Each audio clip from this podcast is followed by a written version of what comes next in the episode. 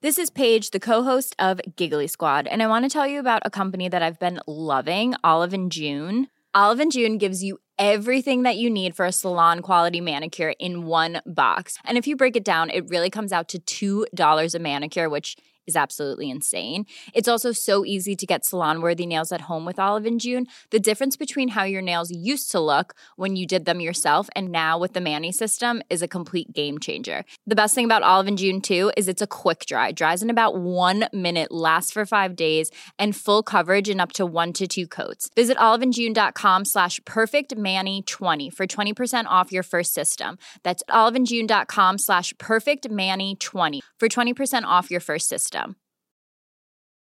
Hey, it's Paige DeSorbo from Giggly Squad. High quality fashion without the price tag. Say hello to Quince. I'm snagging high-end essentials like cozy cashmere sweaters, sleek leather jackets, fine jewelry, and so much more. With Quince being 50 to 80% less than similar brands. And they partner with factories that prioritize safe, ethical, and responsible manufacturing. I love that. Luxury quality within reach. Go to quince.com slash style to get free shipping and 365 day returns on your next order. Quince.com slash style.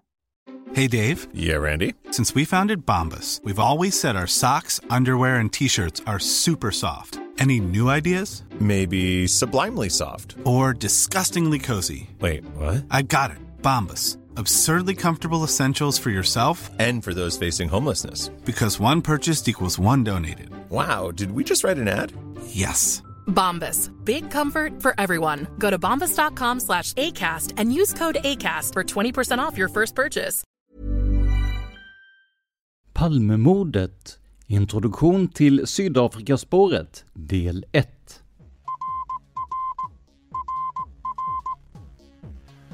Sveriges statsminister Olof Palme är död. 90 000. Ja, det är mord på Sveavägen. Hörde de säger att det är Palme som är skjuten.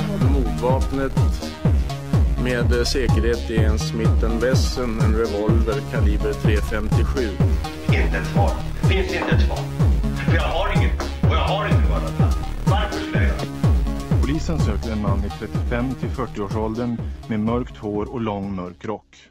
Välkomna till podden Palmemordet som idag görs av mig, Tobias Henriksson på PRS Media. Innan vi går in på dagens ämne vill jag förtydliga några saker som kom upp efter förra avsnittet. Dan och jag gör ju ungefär hälften av avsnitten var och har så gjort sedan jag kom med i podden 2017. Men oavsett vem som gör avsnitten så tillfaller de eventuella donationer som kommer in via Patreon, Swish och annat podden som produkt. Det är alltså inte så att jag får extra mycket ersättning för ett avsnitt för att ni sponsrar mer. Inte heller är det så att intäkterna från Dans avsnitt går bara till honom och de från mina bara till mig. Allt hamnar hos podden. Era donationer har hittills sett till att vi har kommit ut med snart 300 avsnitt och vi är såklart mycket tacksamma för detta. De här donationerna ger oss möjlighet att lägga mer tid på research och också betala eventuella resor för intervjuer när detta blir möjligt igen. Kort sagt är det ni som ser till att podden överlever. Oavsett om ni sponsrar efter mina eller Dans avsnitt kan ni alltså vara trygga med att era pengar går till att göra produkten extra bra. Om du vill stötta oss, gå in på patreon.com palmemodet för att donera en summa som podden får per publicerat avsnitt. Och fler sätt att donera, det hittar du i avsnittsbeskrivningen. Idag ska vi introducera ett nytt spår som vi hoppas kunna ta oss an framöver. Vi ska nämligen titta på Sydafrikaspåret. Det här blir ungefär som med polisspåret, att ni får ett par avsnitt som sammanfattar spåret innan det hela drar igång. I dagsläget vet vi inte exakt när vi kan starta upp Sydafrika som ett stort spår, utan det beror mycket på källor, tidsåtgång och intervjupersoner. Men att vi ska göra spåret, det är självklart. Många av er har säkert hört talas om det här spåret och det har också framstått som ett av de mer troliga. Men varför? Varför skulle ett land på andra sidan jorden vara intresserade av att döda en statsminister från det lilla kalla landet i norra Europa? För att få svar på den frågan måste vi prata en hel del om apartheid. Hur kom det sig att systemet uppstod och vad innebar det egentligen? Ja, man kan säga att det hela började 1833 då slaveriet avskaffades i Sydafrika. I ett slag kom över 40 000 tidigare ofria arbetare, alltså slavar, ut i samhället och måste där få en plats. Många av dessa kom att bli underbetalda hantlangare på gårdar och farmar i landet, vilket gjorde att även om slaveriet avskaffats så jobbade de i princip fortfarande som slavar. Arbetarna som tidigare varit slavar kom till stor del från Madagaskar och Asien. Och med tanke på att de tidigare varit livegna åt sina slavägare kom den här gruppen och andra färgade personer i landet att behandlas mycket illa.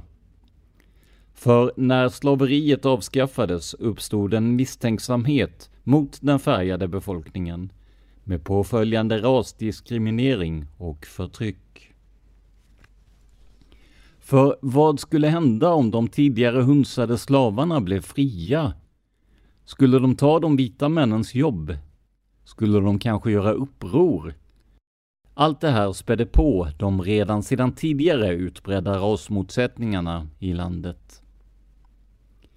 I städerna höll sig också de olika folkgrupperna i olika delar av orten, vilket ytterligare bidrog till segregation och alienering. Avskaffandet av slaveriet gick långt ifrån smärtfritt. Boerna, alltså bönder med rötterna i Nederländerna, vägrade att finna sig i den nya ordningen. Istället för slavar tog man nu krigsfångar som skulle fylla ungefär samma funktion. Det var först under boerkriget i början av 1900-talet som de här grupperna kunde kuvas. Men trots detta hade de vita invånarna bestående av boer och deras senare släktingar stort inflytande på såväl politik som ideologi. Man såg helt enkelt Sydafrika som sitt eget land, skänkt av Gud, och de afrikanska folken var främlingar som inte skulle blandas med den vita befolkningen. 1948 vann Daniel Malans boer-nationalistiska koalition parlamentsvalet och rasåtskillnadspolitiken systematiserades i det som kom att kallas apartheid.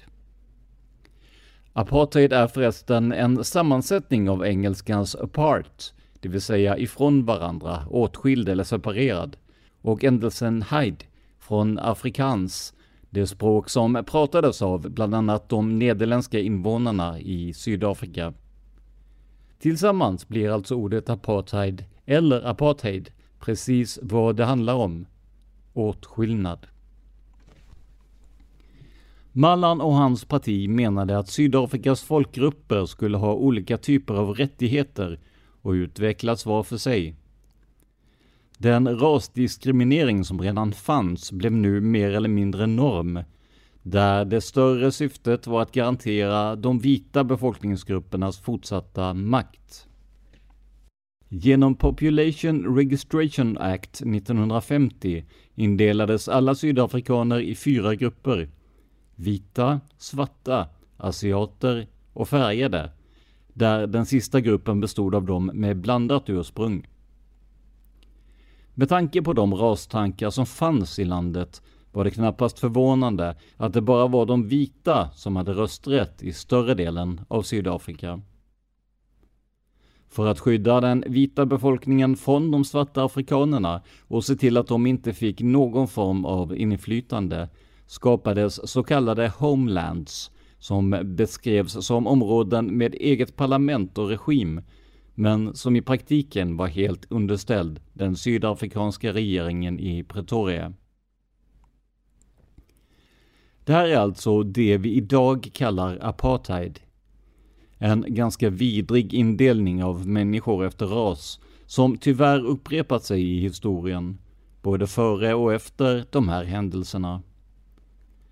Med facit i hand och med de händelser som vi snart kommer till i minne så ser vi att det här inte var ett hållbart system, oavsett vad man tycker om det idag. Så varför infördes det överhuvudtaget? I Sverige, som varit fritt från krig i många hundra år och som aldrig koloniserats av andra länder, kan det vara svårt att se en förklaring. Men i Sydafrika hade man alltså levt med slavar och man hade förmodligen hanterat dessa allt annat än väl. Dessutom hade slavarna en annan hudfärg och bara det gjorde folk misstänksamma. För ser man inte ut som man själv kan de ju inte vara som man själv heller. Som vi nämnt bör det ha uppstått en rädsla när slaveriet avskaffades. För tänk om dessa nu fria slavar gjorde uppror. Tänk om alla den vita mannens privilegier skulle försvinna och det var de som skulle bli förtryckta istället. Säkert gick många tankar åt det hållet. Därmed inte sagt att man kan försvara systemet. Men på ett mänskligt plan kanske det går att förstå och nyansera lite. Men i historiens ljus framstår såklart apartheid som ren ondska. Men vad medförde egentligen apartheid för de som drabbades av den? Låt oss först börja med att konstatera att den här segregeringen präglade hela den sydafrikanska vardagen. De olika befolkningsgrupperna hade separata bostadsområden, arbetsplatser, sjukhus, ja till och med parkeringsplatser och parkbänkar. Att ha sex mellan raserna var absolut förbjudet och bröt någon mot den här lagen väntade hårda straff. Det här är en av de få apartheidlagarna som faktiskt gällde även de vita. För inte heller de fick ha sex med någon annan befolkningsgrupp. Man skulle alltså bevara raserna rena, som ett eko av en annan mörk tid i Tyskland. Om du ville ha en högre post i samhället fick du hoppas att du fötts som vit. Annars var det omöjligt att komma upp sig. De vita hade nämligen såväl högre positioner som bättre lön i det sydafrikanska apartheidsamhället. Men en sak är viktig att säga. Apartheidsystemet kunde ju fortsätta eftersom folk faktiskt tyckte om det.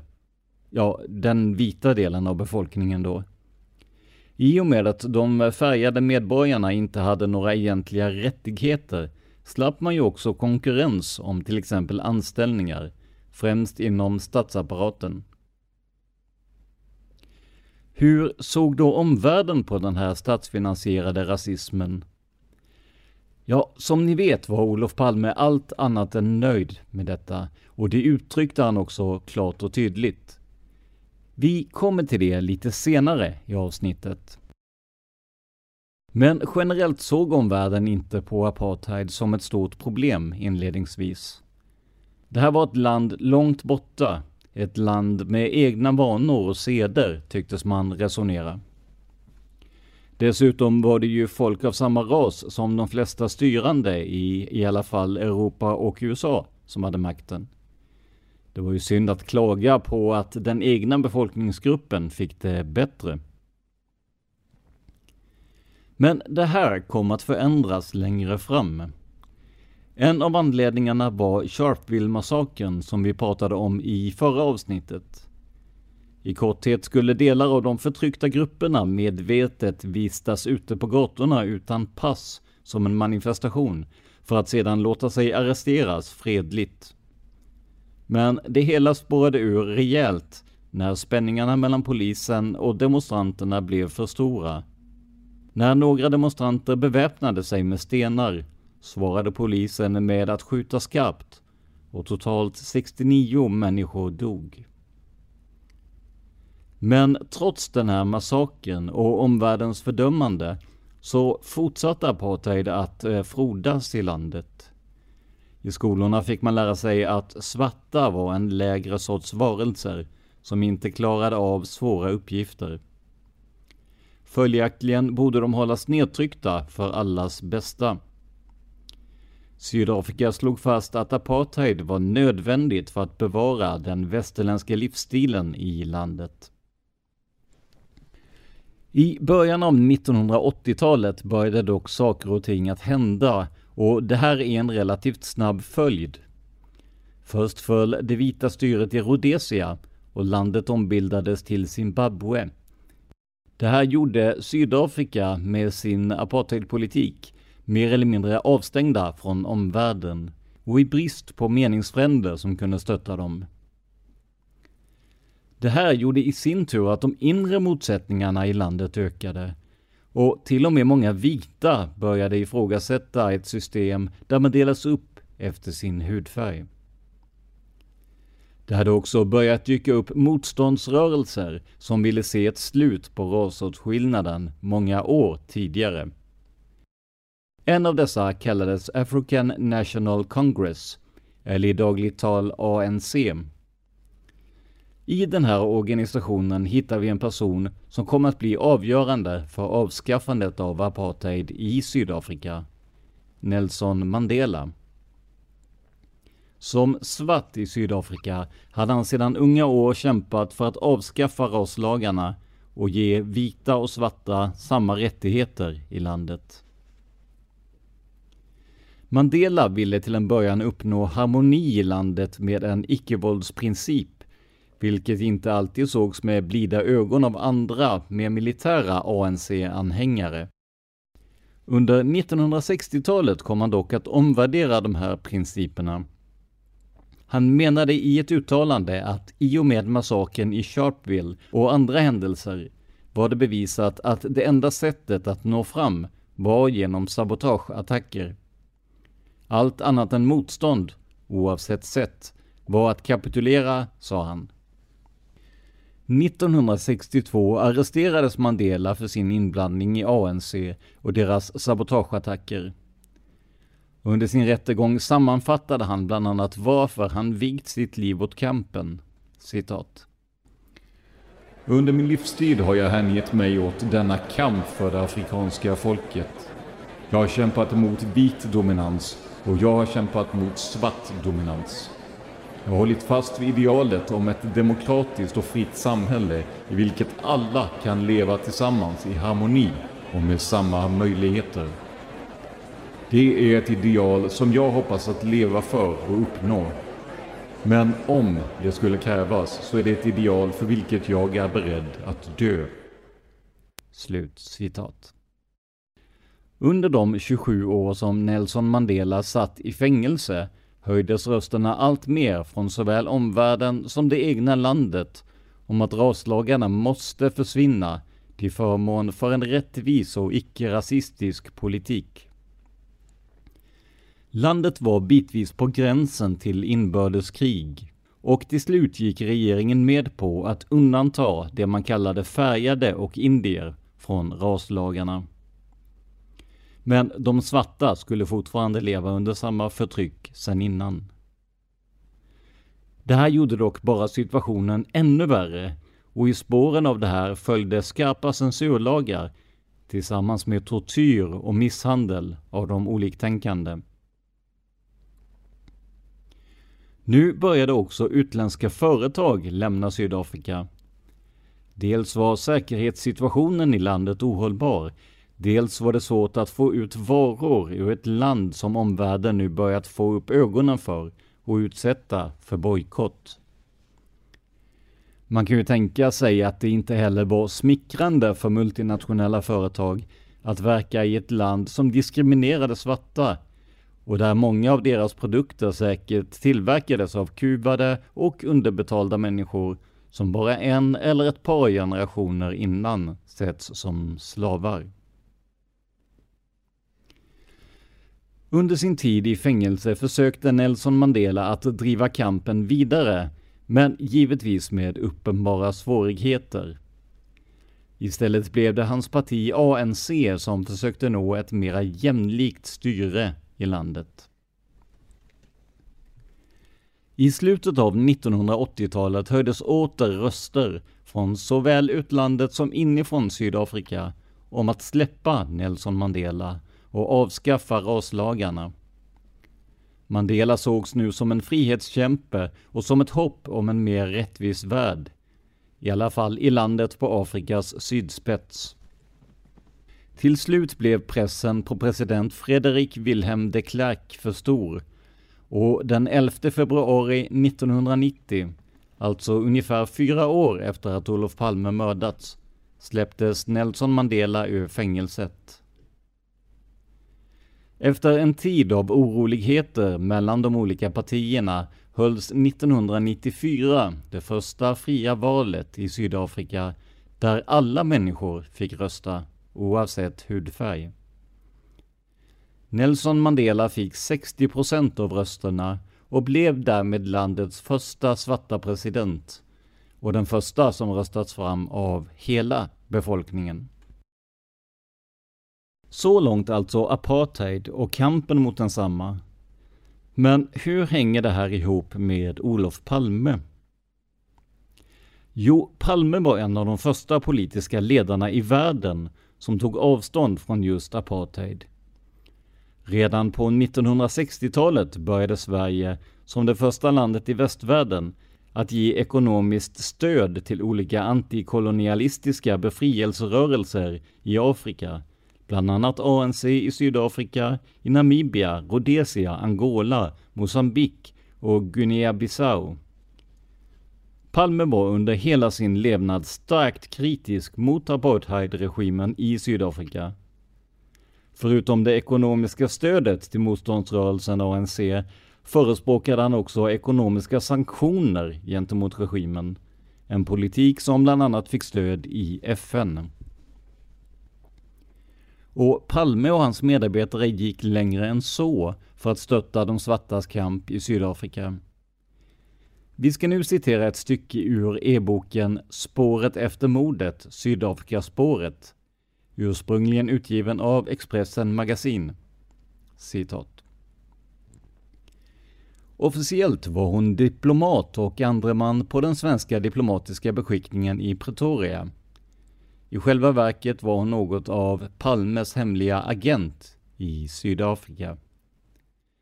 Hennes uppdrag var att i hemlighet föra över pengar till apartheidmotståndet i Sydafrika.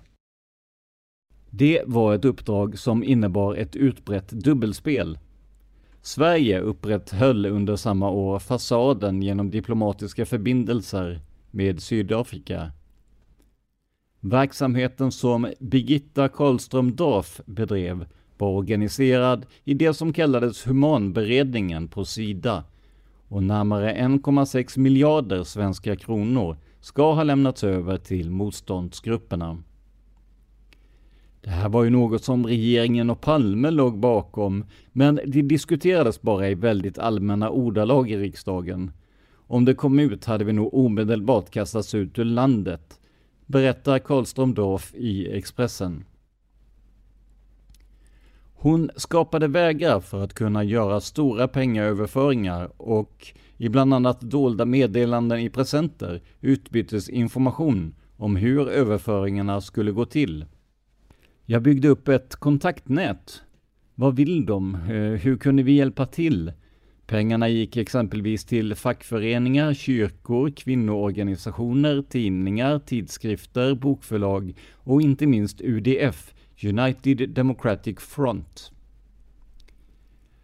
Karlström Dorf bevakades samtidigt av apartheidregimens säkerhetstjänst och drabbades vid ett tillfälle av skott mot sitt hus där hon bodde med make och fem barn, som alla var ovetande om Dorfs hemliga uppdrag för svenska regeringen. Slut citat. Men åter till Olof Palme.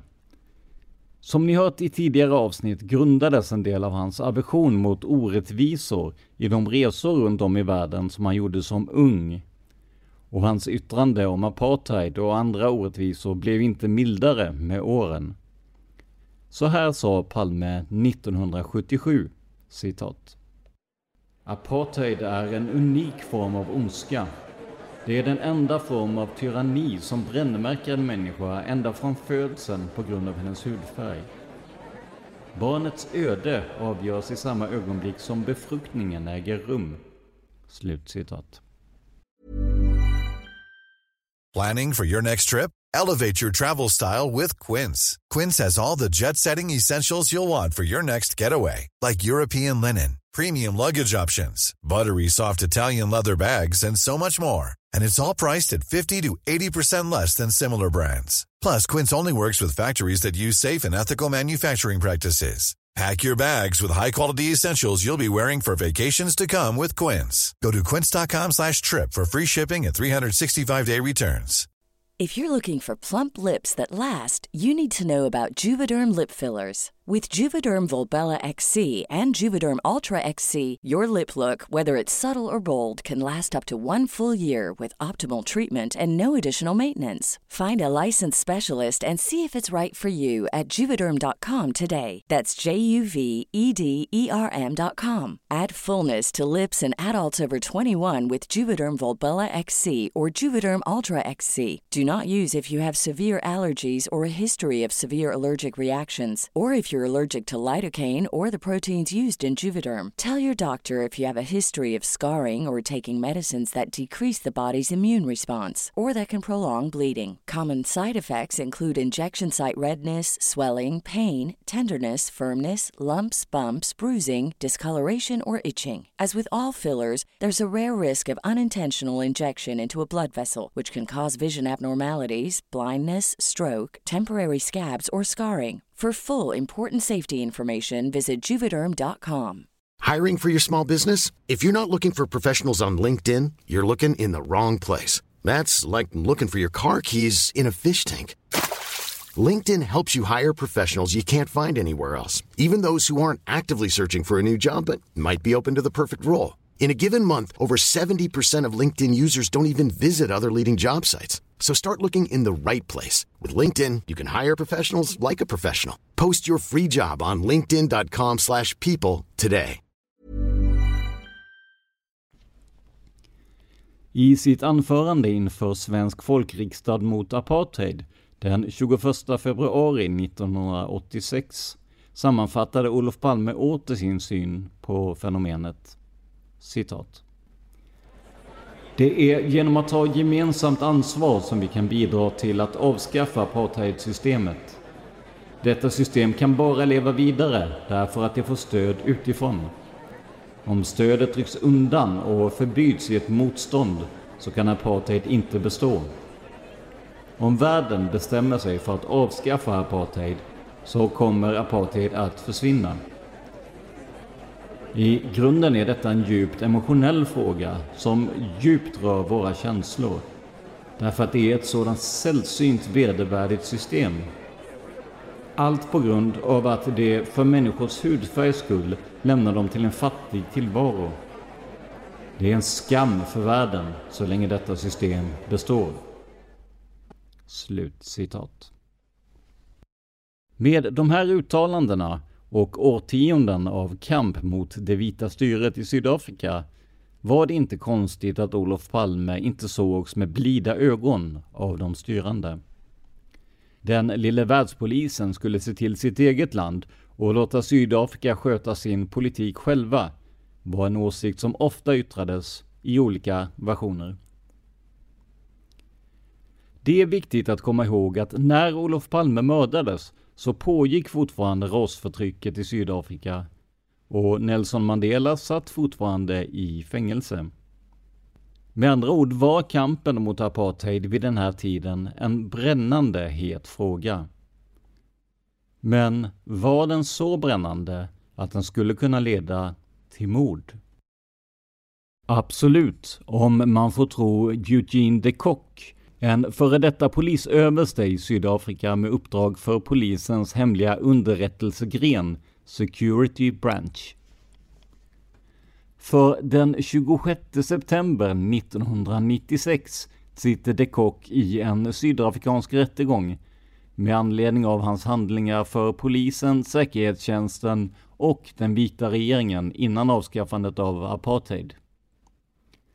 Han kommer senare att fällas för brott mot mänskligheten bestående av sex fall av mord samt anstiftan till mord, mordförsök, överfall, kidnappning, olaga vapeninnehav och bedrägeri. Hans straff blev två livstidsdomar plus 212 år i fängelse. Det här är såklart uppseendeväckande i sig, men för oss svenskar var det något annat som fick ännu större uppmärksamhet. För när de Kock förhördes om fyra aktivister från ANC som mördats av hans grupp säger han citat ”De fick samma död som Olof Palme”. Slutcitat.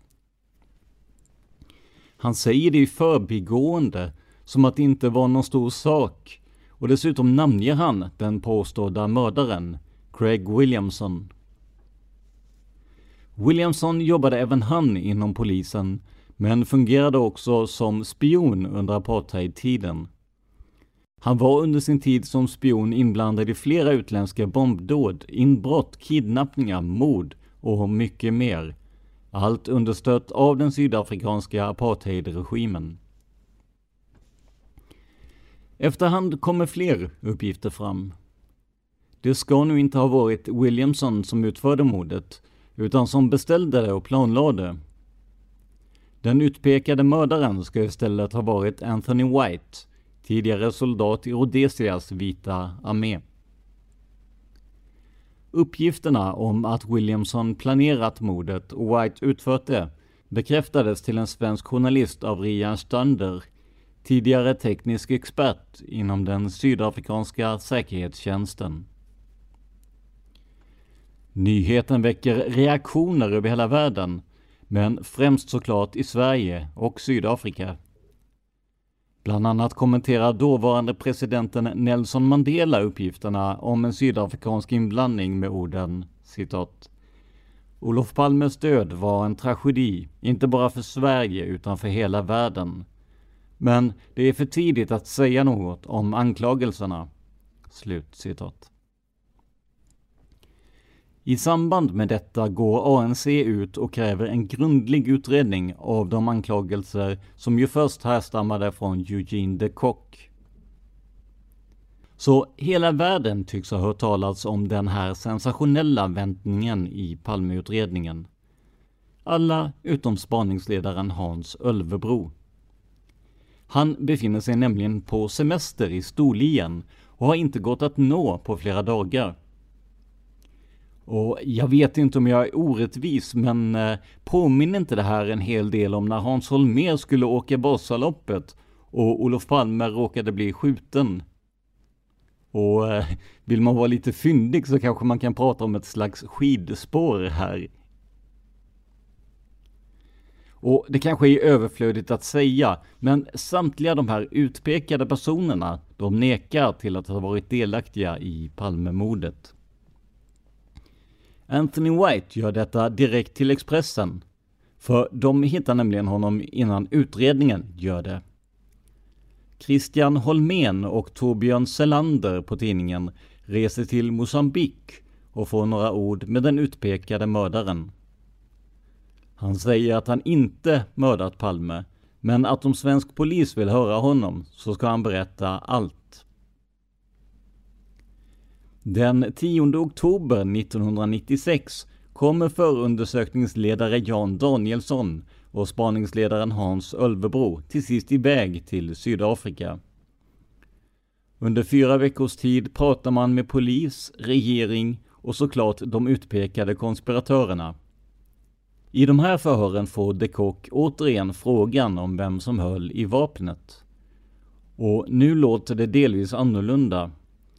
Han säger nämligen att skytten ska ha varit en svensk underrättelseofficer som numera är bosatt i Turkiet. Det här skulle stämma bra in på Bertil W som bor i den turkiska delen av Cypern. Bertil W har hela tiden förnekat att han har med mordet att göra, men erkänner dock att han inte var något större fan av Olof Palme. Palmeutredningens resa landar i att man inte kan bekräfta, eller för den delen avföra, att Sydafrika var inblandade i mordet. Mycket av informationen som kom fram var andrahandsuppgifter och risken att råka ut för så kallade informationssvindlare var uppenbar.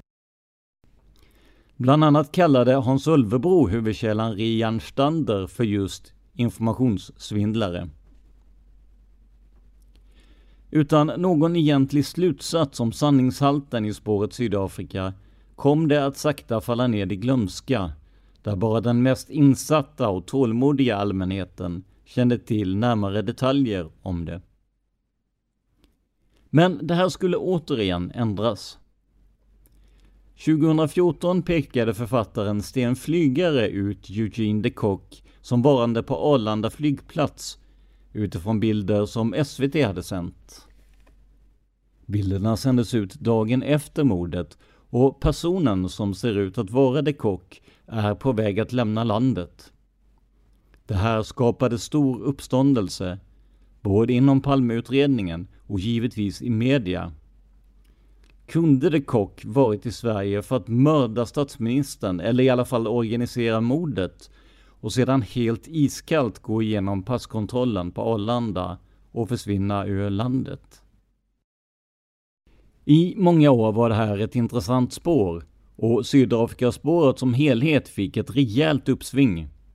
Och just Sydafrikaspåret var ett av de spår som man jobbade med in i det sista strax innan man presenterade den officiella lösningen av Palmemordet. Men det var också våren 2020, alltså strax innan den officiella lösningen, som bilden kom upp i veckans brotts specialprogram om Palmemordet. Vid det här tillfället var Camilla Kvartoft inte på plats, utan André Pops samtalar med vår tidigare gäst Lasse Lampes om bilden. Man spelar även upp råmaterial som tidigare inte sänts ut från just det här tillfället. Och där ser man att mannen vänder sig mot kameran och inte på något sätt påminner om den sydafrikanske de Kock i ansiktet. Likadant följer man mannens väg genom passkontrollen. Hans personnummer och land uppges då och han visar sig vara en man född 1936 från Sverige. Dessutom säger han tackar när han får tillbaka sitt pass på felfri svenska vilket ytterligare styrker att mannen är svensk, kanske på väg ut på semester. Så just den här vinkeln verkar ju ha kallnat rejält. Men det finns ju så mycket mer i Sydafrikaspåret som fortfarande kittlar fantasin.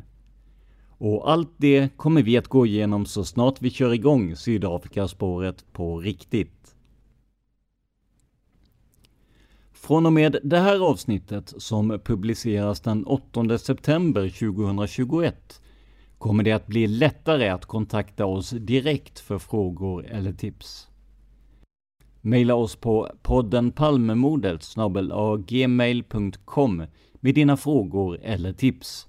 Podden Palmemordet i ett ord.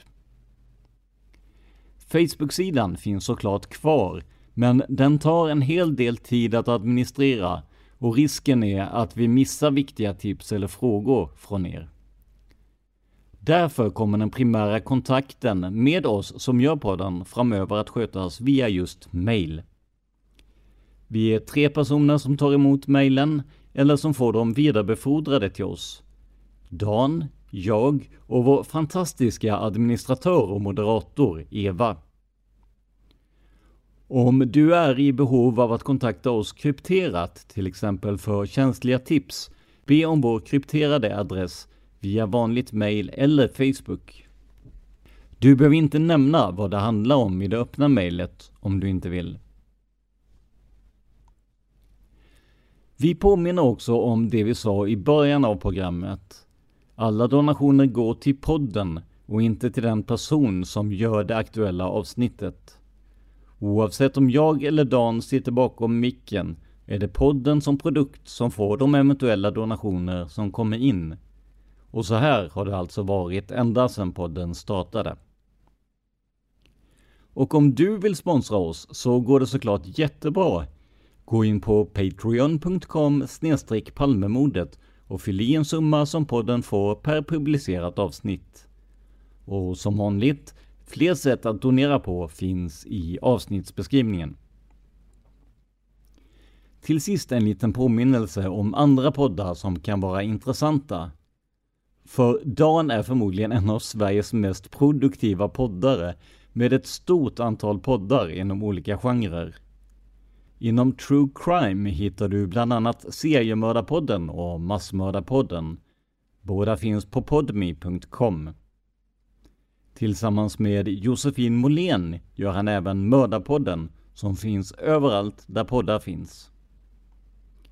Glöm inte heller Olösta mord, podden som fick ett stort genomslag bland annat genom en massiv serie om Sven Sjögren, ett av Gotlands största mysterier. I den här podden ställs en massa frågor, men presenteras sällan några lösningar. Därav olösta mord. Men i just gåtan Sven Sjögren hoppas Dan och hans medarbetare att komma fram till någon form av lösning. Olösta mord finns också överallt där poddar finns, men även på Facebook. Så om du vet någonting om Sven Sjögrens försvinnande, sök på olösta mord på Facebook och skicka ett meddelande till Dan och hans medarbetare. Själv gör jag två olika poddar. Dels Tänk om, som fokuserar på konspirationsteorier och myter. Och dels Minuter med mord, där jag i korta avsnitt sammanfattar kända brottsfall. Och till er som har väntat på uppdateringar från de här poddarna, det kommer. Men på sistone har jag haft administrativt ansvar på mitt ordinarie jobb samtidigt som jag producerat avsnitt till Palmemordet. Så det har inte blivit någon tid över. Men som sagt, såväl Tänk om som Minuter med mord finns kvar och kommer att få se nya avsnitt så fort allt lugnat ner sig lite. Det här var veckans avsnitt av podden Palmemordet som idag gjordes av mig, Tobias Henriksson på PRS Media. För mer information om mig och mina projekt besök facebook.com prsmedia.se eller gilla oss på Instagram där vi heter prsmedia, Ett ord, små bokstäver. Stort tack till alla som hjälper oss genom donationer, tips och annat. Men framförallt, stort tack för att du lyssnar på podden Palmemordet. Man hittar Palmes mördare om man följer PKK-spåret till botten. För att ända sedan Julius Caesars tid har det aldrig hört talas om ett mord på en framstående politiker som inte haft politiska skäl.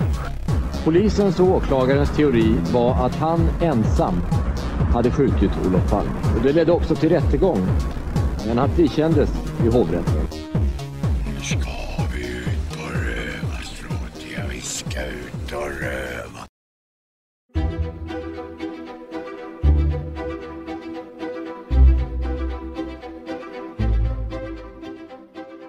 I en tid där åsikter alltmer fått överhanden på fakta är det svårt att veta vad som är sant eller inte.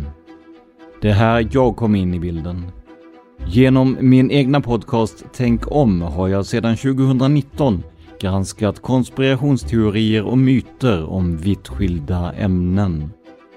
Bland de gäster jag har haft med finns den inte helt obekanta Dan Hörning som både pratat om Storsjö och djuret och seriemördare med mig.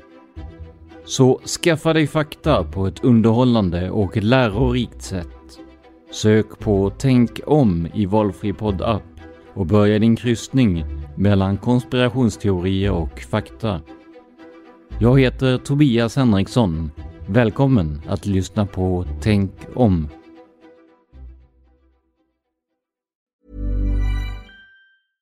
Want flexibility? Take yoga. Want flexibility with your health insurance? Check out United Healthcare Insurance Plans. Underwritten by Golden Rule Insurance Company, they offer flexible, budget friendly medical, dental, and vision coverage that may be right for you. More at uh1.com. Flexibility is great. That's why there's yoga. Flexibility for your insurance coverage is great too. That's why there's United Healthcare Insurance Plans. Underwritten by Golden Rule Insurance Company, United Healthcare Insurance Plans offer flexible, budget friendly coverage for medical, vision, dental, and more. One of these plans may be right for you if you're, say, between jobs, coming off your parents' plan, turning a side hustle into a full hustle, or even missed open enrollment. Want more flexibility? Find out more about United Healthcare Insurance Plans at uh1.com. Planning for your next trip?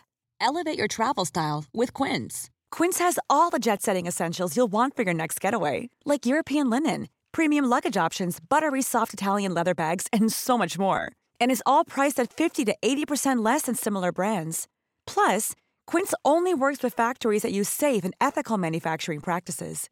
Pack your bags with high-quality essentials you'll be wearing for vacations to come with Quince. Go to quince.com/pack for free shipping and 365-day returns.